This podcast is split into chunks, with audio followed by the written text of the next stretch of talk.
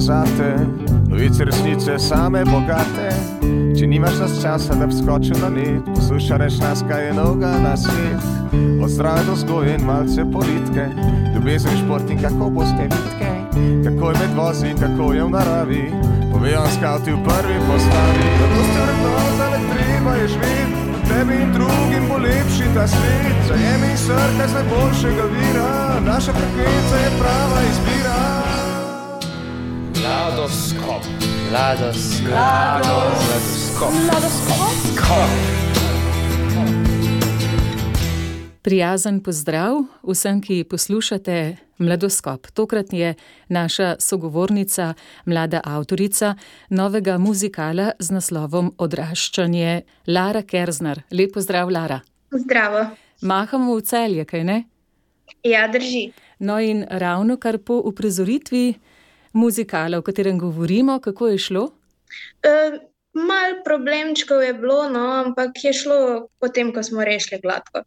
Zdaj pa, Lara, odkot sploh ideja, da bi spisala svojo zgodbo in to tudi z glasbeno govorico? Če sem popolnoma iskrena, odkot dotično ideja, ne vem. Um, nekako sem dobila navdih, je pa res, da sem imela takrat muzikale rada že nekaj časa, tako da verjetno ideja za muzikal iz tega. Um, odkot pa čisto ideja za zgodbo, pa malo je avtobiografska, popravki pa iskreno ne vem. Za vašo šolo, gimnazijo Celje Center, vemo, da je naklonjena glasbi. Vas dijake, če se le da, vključujejo v glasbeni svet, da se tudi preko glasbe izražate. Lara, to drži? Um, je še bolj držalo, ko je bil gospod Deleja ravnatelj, ampak tudi uh, gospod Lipnik poskuša. Ja, čeprav kot profesor matematike malo manj razume vse skupaj, ampak še vedno trudi se. Res je, uh, gospod Gregor je pa tudi sam upet v več glasbenih skupin in seveda mu je zaigralo srce, če je odkril te sposobnosti tudi pri dijakih in dijakinjah. Lara, o čem govori muzikal? Ja, kot že naslov pove o odraščanju, um, dotakne se par problemov, ki lahko nas doletijo od težav s prijateljem, ljubezni, um, pa tudi odnosa z očetom, ki morda ne podpira vedno vsega, malo vsega eno. Kako pa se zapeljati ali tako lepo zaokrožiti v zgodbo, ki ji lahko gledalec, poslušalec sledi in da dobi neke nauke po koncu ogleda? Ja, najprej sem si v resnici zamislila teh deset likov, ki jih razvijam čez celo zgodbo, in potem sem se na nek način jim razdelila te probleme v narekovajih. No. In sem pač potem razmišljala, kako bi čisto naravno prišla do tega, da začnejo govoriti o tem drug z drugim, in bolje nekako steklo. No. Lara, avtorica besedila, kaj pa vsi ostali, kaj je bilo še potrebno, da ste muzikal postavili na oder? Uh, prva stvar, avtorja glasbe, Matic Dokler in Jrnej Lah. Um, malo sta tudi popravila pač besedila za pesmi, če je bilo, ki je treba, da je šlo lepše na melodijo. Potem pa smo imeli še ekipo um, šestih profesorjev, ki so nam pomagali. Dve profesorici za režijo, dve za koreografijo, um, vodja projekta, profesor Sašo Šunc in pa še ena profesorica za scenografijo, pa celo vizualno podobo. No. Nekajkrat ste zdaj ta muzikal že odigrali, koliko nastopov bo še? Planirani so še trije in sicer jutri imamo dva do povdne, enega zvečer, od nedelje zvečer, ko je bila premjera, smo imeli pa že šest. Da... Predvsej intenzivno. Oh, ja, in utrujajoče. Tega ste si želeli, da bi vaš muzikal videlo čim več. Je to namenjeno vašim sovrstnikom, mlajši generaciji? Komu? Namenjeno je obojim in moji generaciji, da se na nek način lahko prepoznajo v nekem delu, da jih nekdo razume in razmišlja podobno, če že ne enako, in odraslim, da bi mogoče razumeli, zakaj, kdaj odreagiramo tako, kot odreagiramo, ali pa kako mi gledamo na stvari oboje. A tudi to je namen, da bi se bolje Ja. spoznali, bolj razumeli drug drugega. Torej ima muzikal nauk ob sklepu.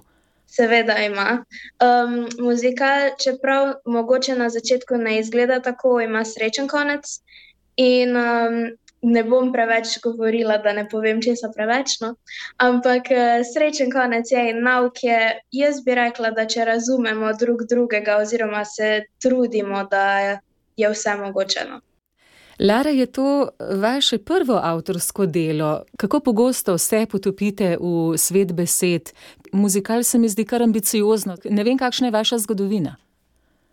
Um, predtem sem pisala samo pesmi, um, potem je bil ta muzikal kot gledališko delo, je prvo. Ja. Ampak um, od takrat uh, sem pa še veliko stvari napisala, sem dobila tudi par nagrad za svoje tekste, tako da um, se trudim, čim več časa imam, glede na šolske obveznosti.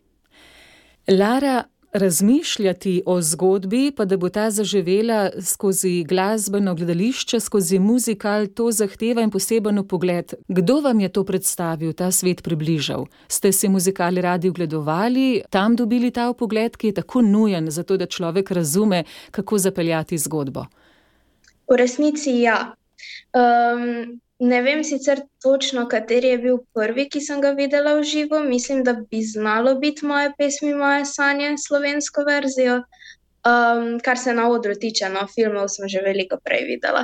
In um, potem, ker mi je bil tisti všeč, smo, sli, smo šli predvsem z mamo no, uh, še na več predstav, in ja, na nek način mi je, se mi je približal, potem pa še gledališče kot tako, malo kasneje. Koliko časa je muzikal nastajal? Odkar sem začela pisati, je teče šesto leto. Je to dolgo obdobje ali ste hvaležni, da je steklo kar hitro? Mislim, za standard, koliko časa nastajajo muzikali, je to kar v redu. Mislim, normalno je, da traja tako dolgo. No? Ampak jaz, če sem, če sem iskrena, sem imela včasih občutek, da je predolgo. Ampak se je splačalo počakati. Kakšne imate želje, kako naj bi muzikal živel, kakšno prihodnost mu obetate ali pa si zanj želite, Lara? Ja, z njim gremo na en festival za gledališče mladih, tako da če pridemo zraven, pride jutri selektor. Upam, da pridemo zraven in da tam dosežemo kak dober rezultat. Potem pa še kako predstavo, ampak ne tako intenzivno kot zdaj, tudi ne moremo. Ravno zato imamo tako intenzivno, ker smo rekli, da želimo biti z glavnino do marca konec, ker nas ima, mislim, da pet igralcev maturo letos. Kako velik ansambl pa je, koliko vas sodeluje pri muzikalu? Uh, igralcev, nas, ki pač pojemo, nas je deset, potem imamo še pa petnajst plesalk zraven. Tako da 25 vsega skupaj. Pa je ta zgodba samo v obliki muzikala ali Lara bo prišlo med trde platnice? Nisem razmišljala o tem. Mogoče bomo videli. Mogoče bomo videli, glede na vašo ustvarjalnost, kako radi pišete, se zna zgoditi tudi to, ali pa morda kakšna obogatitev tega dela. Ker vendarle tudi vi ste še v odraščanju, vsako leto verjetno zelo intenzivno prepoznate spremembe, kako doživljate svet. Lara, kakšno obdobje je to, obdobje mladosti, odraščanja? Moj, obdobje mojega odraščanja je bilo kar težko. No? Um, zgodilo se je nekaj takih stvari, ki jih ni bilo enostavno uh, predelati, um, in v družini, in na splošno. Ampak uh, na splošno bi pa rekla, da je to eno obdobje, ki je polno izzivov, lahko je lepo, lahko je pa zelo težko. Spodbuda, Lara, že preko vaših izkušenj, tudi vašim sovrstnicam, sovrstnikom, čeprav je težko, kaj je vam dajalo v teho, kako ste vi zmogli? Ja, meni osebno ravno pisanje in glasba. No. Um, zelo sem se navadila, da tako kot reče en moj mentor v gledališču, ker sodelujem tudi s Celskim gledališčem, imajo eno platformo za mlade. Um, moj mentor pravi, da vsaka umetnost se začne kot terapija avtorja, ampak da nekaj postane umetnost, mora avtor imeti kritičen pogled na to. Se pravi, najprej si jaz stvari pišem kot terapijo, potem pa, ko se lahko oddaljim od tega, to dejansko postane delo. Vas pa to razbremeni, ko pišete, ko to prelijete nekam, čutite, da ste se razbremenili, Lara, ali je to za vas, no, se ste rekli, terapija, ampak koliko časa zaleže?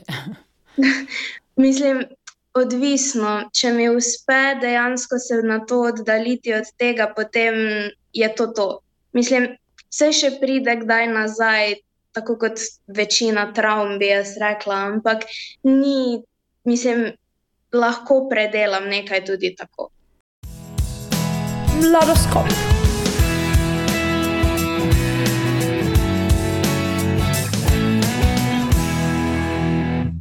Ker se pogovarjava, eh, Lara Kersner, v mladinski vdaji, vas moram vprašati, ker se tudi pogovarjava o muzikalu Odraščanje. Koliko razumemo mlade?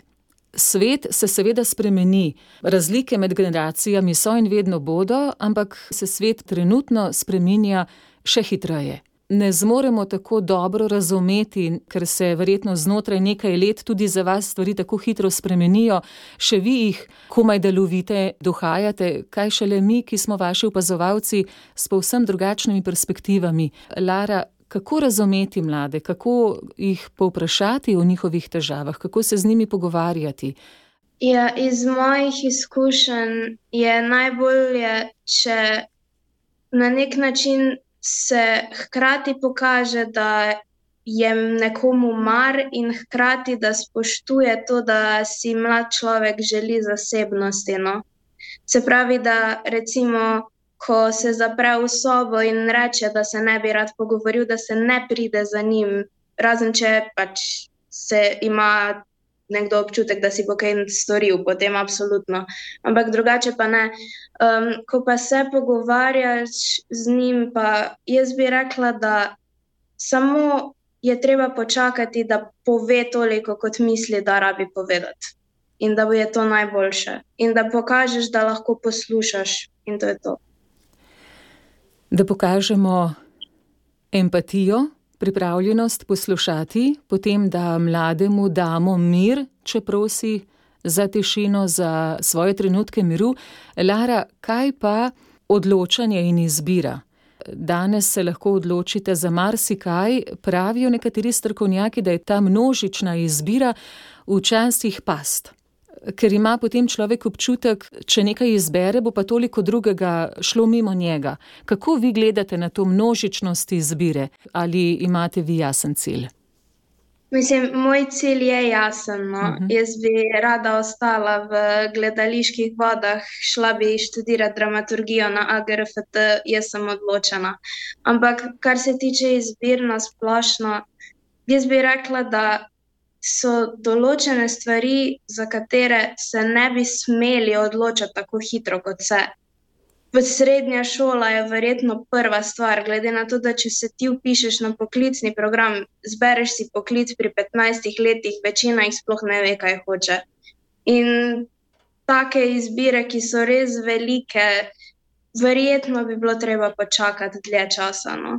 Ker tudi psihološko gledano, še možgani niso dovolj zreli za to. Kakšne pa so izbire vaših sovrstnikov, Lara, kam gredo najraje, oziroma kam bodo šli, o kakšnih poklicih razmišljajo? Um, mislim, jaz sem na gimnaziji, pri nas je zelo različno. No? Um, kar nekaj si želi medicine, je bil tudi njihov cilj, zato so sploh prišli na gimnazijo. Potem ene par bi šlo fizika, kemija, te klasične stvari, pa tudi kak jezik, tako res zelo, zelo raznovrstno je. Še vedno pa ostajajo eni in isti deficitarni poklici. To so predvsem poklici, kjer človek ustvarja z lastnimi rokami, vsaj večino ne navduši. Odkud to, kaj bi rekli? Vas to sprašujem zato, ker ste razmišljajoča duša. Odprto gledate na svet, vidim, da marsikaj zaznate in opazite.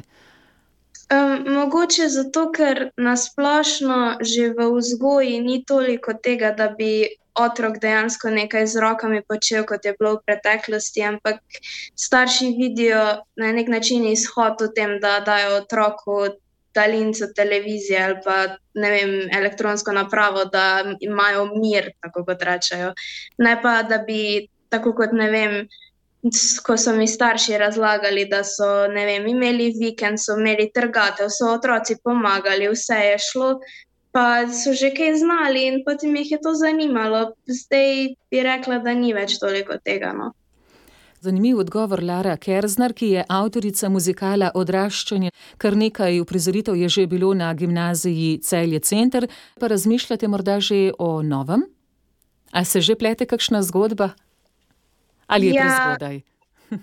ne, uh, en je že gotov. No. A, celo. Oh, bravo. Ja. Uh, s tistim sicer še nisem prepričana, mogoče bom še kaj spremenila, mogoče bo ostal kot je. Um, vmes sem še, že napisala še eno krajšo, pa eno daljšo dramo, um, vedno kaj nastaja, no? tako je pri meni.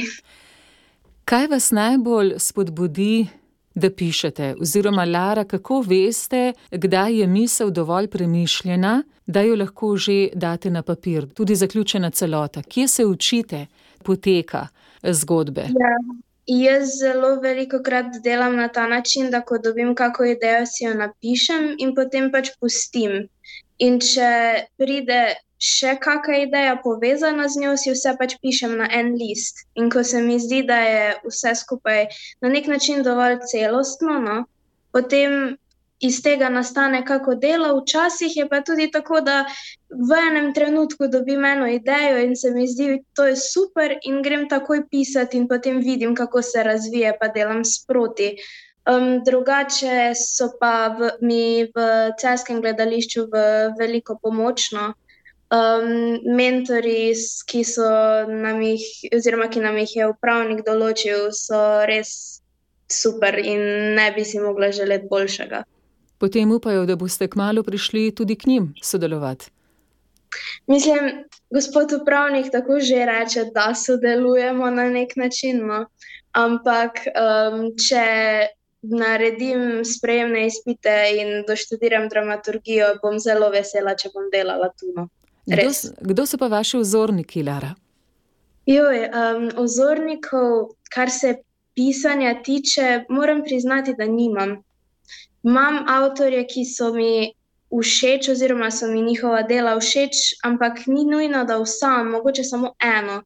Um, imam jih bolj, bi rekla, kar se tiče um, petja in nastopanja, no? ampak um, sem skoraj prepričana, da večina ljudi ne bi še nikoli slišala za ta imena. No. Dobro, kaj pa recimo med domačimi ustvarjalci, ker slišim, da si ogledate radi tudi domače produkcije muzikalov, že omenjeno moje pesmi, moje sanje. Koga pa radi gledate na odru, kako poje skozi glasbo, pripoveduje igra? Um, zelo rada gledam uh, enega od svojih bivših mentorjev, uh, Neca Lisjaka. Uh, bivših ne zato, ker bi bilo kaj narobe, ampak zato, ker je šel študirati igro v London in pač ne more. Um, prav tako zelo rada gledam Željko Predojevič Korošec. Um, ona je žena mojega učitelja za petje. In pa Damjano Golavšek se mi zdi, da je res vrhunska v vseh pogledih. Ladoskop.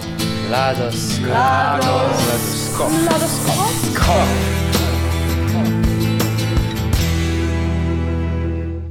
Bravo, jaz upam, da ti omenjeni tole zdaj poslušajo. Biti mladim na vdih je kar velika potrditev in priznanje. Lara Kerzner o muzikalu Odraščanje govoriva, pa ste morda dotične tudi povabili ali jim poslali posnetek tega muzikala. Um, gospod Željko in svojega učitelja sem povabila, seveda. Um, če bo vse po sreči, pride ta jutri. Um, Nejcu sem obljubila posnetek, ker zaradi študijskih obveznosti pač ne more. Um, vse ostale, ki so mi pa kakorkoli pomagali ali pa kaj drugega, pa seveda, da sem povabila in so bili vsi zelo veseli. Lara, nisem vas še vprašala, kakšna je vaša vloga v tem muzikalu. Imate glavno ali postransko? Uh, nimam glavne, to je bilo namenoma, ker so vsi vedeli, da pač bom imela še veliko drugih obveznosti. Mislim, ne kot šolskih ali pa kaj drugega, ampak take stvari, intervjuje in podobno. Um, je pa druga glavna. No? Um, glavno, jaz sem v resnici sestra glavne vloge. No? Muzikal odraščanje govori o izzivih in težavah, ki jih imate mladi. Torej, včasih so to težave starši, pride do nerazumevanja, do drugačnih pričakovanj ali zahtev, pri željah se včasih zaplete. Pa kaj še, kaj lahko na ta piedestal izzivov postaviva? Ob tem nerazumevanju znotraj družine, kaj še, kaj recimo sovrstništvo, se tudi o tem govori, kaj v muzikalu? Tudi govorimo tudi o problematiki prevelike uporabe, oziroma ne mogoče ne ravno uporabe, ampak dajanja prevelikega pomena mobitelu, socialnim omrežjem, potem določene ljubezenske težave, od pač občutka, da je potrebna spolnost za ljubezen, do tega, da si en fant punci ne upa povedati, da mu je všeč. Eh, pa tudi, seveda, s prijateljicami. Um, moj lik, recimo, ima prijateljico, ki ne vem, če se je sploh lahko reče prijateljica, glede na to, kako se obnaša do nje, ampak ja, tako. Lara, koliko imate podpore? Med seboj ali sploh v družbi, ste danes mladi, kar odvisni od sebe, pa od svoje neke želje, bom rekla, kar preživeti ali pa ohranjanje lastne identitete. Koliko teh upadov je, ki vam jo rušijo, skušajo preoblikovati? Na kaj se naslonite lahko mladi? Ja, tega je seveda ogromno. Um, če se lahko mlad človek nasloni na družino, jaz bi temu rekla ne nekaj samoumevnega, ampak darilo. Uh, je pa tudi res, da včasih imamo tudi sama občutek, kot da nas ne razumejo. Um, potem lahko pa, če imamo to možnost, se lahko naslonimo. Meni se je lažje na nekoga, ki mi je bližje po letih, ampak ne iste starosti. Se pravi, um, dva mentorja imamo v gledališču, ki, sta, ki nas zelo podpirata, stara sta 28 in 29. Tako da ravno toliko, da data lahko nam kak na svet, ampak sta še relativno blizu. Tako da, ja. Pri muzikalu Odraščanje sva uh, že omenjali, kako je nastajal tekst. Lara, potem sva se dotaknili tudi glasbe, kolikor uh, slišim pri tem opisu muzikala, da je tudi glasba raznovrstna. Drži, imamo od počasnejših kot balad do hitrejših. Um, absolutno pa nas ne šparajo, no, to komadi komadi so zahtevni in to čisto vsak, res. Ker veliko koreografije na odru. Tega niti ne, um, je, so pa pevsko zahtevni, zelo. Spremljava pa godalni orkester, potem rokovska ritem sekcija. Ja, uh, pojemo na posneto glasbo, tako da je lahko vse to. Uh, to je bilo pa izključno, pač, kar se tiče logistike, odločitev, no, ker je enostavno lažje kot uh, ima šola že izkušnjo z enim drugim muzikalom, ki so ga delali na živo glasbo in so ugotovili, da je skoraj nemogoče se uskladiti z vsemi datumi. No. Koliko časa Lara že pojete? Uf, um, kolikor vem, celo življenje v glasbeni šoli, osmo leto. Imate tudi pri petju ambicije nadaljevati s tem? Mislim, zelo rada bi nadaljevala z nastopi v muzikalih ali pa kar tako. No. Um, nimam pa zdaj neke ideje, da bi imela samostojno kariero ali karkoli. Bi se pa prijavljali na audicije? Ja, Zakaj pa ne? Potem pa držimo pesti, da boste vedno del življenja muzikalov tudi v našem prostoru, morda celo kje v tujini, ker vidimo, da imate vzornike tudi tam in morda se vam kakšna pot odpre tudi čez mejo, sicer pa seveda, da smo veseli, da imamo takšne talente mladega rodu tudi v Sloveniji, da lahko tule že občudujemo vaše delo. Govorili pa sva z Laro Kerznar, avtorico muzikala Odraščanje, seveda so z vami so ustvarili še številni drugi, se samo še dotaknili dotakneva vaših preoblek, Lara. Kaj pa ta vizualni aspekt muzikala, kakšna je scena, kako ste za to poskrbeli? Uh, scena je v resnici zelo preprosta. No?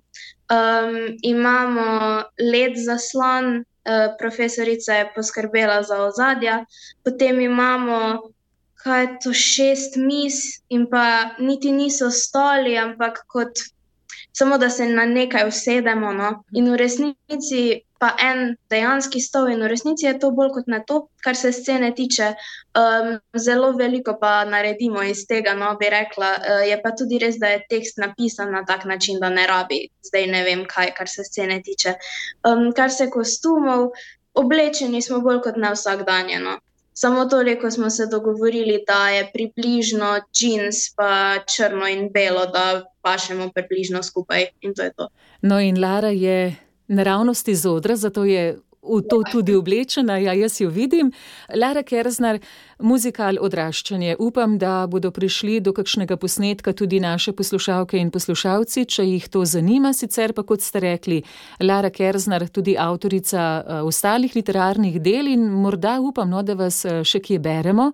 Vso srečo vam želimo ob sklepu, pa vendarle, kaj pomeni to, da na gimnaziji pripravite muzikal, kaj šoli pomeni, kako, kako vidite to kot skupnost, kot delo, kakšen doprinos je to za gimnazijo, za vse, ki ste del te gimnazije.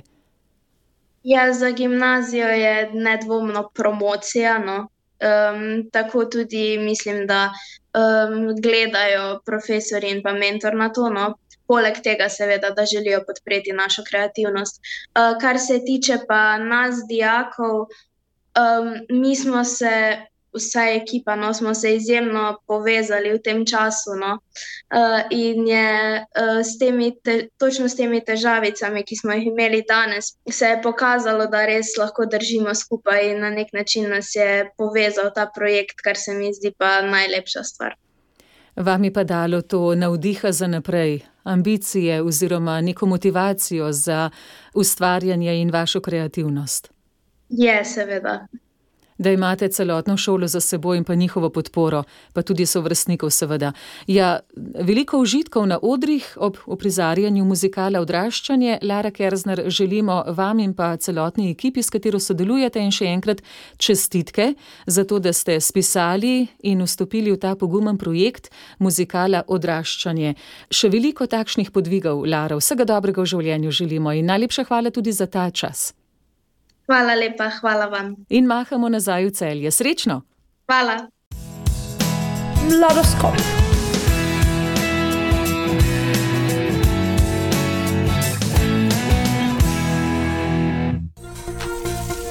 Na dostan frekvenci.